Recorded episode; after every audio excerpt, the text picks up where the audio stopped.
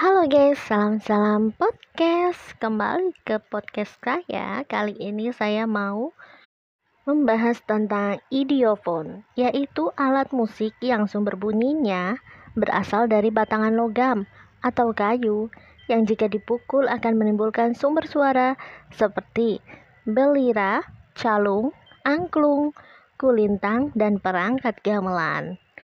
Selain idiofon, ada lagi nih jenis selanjutnya yaitu elektrofon.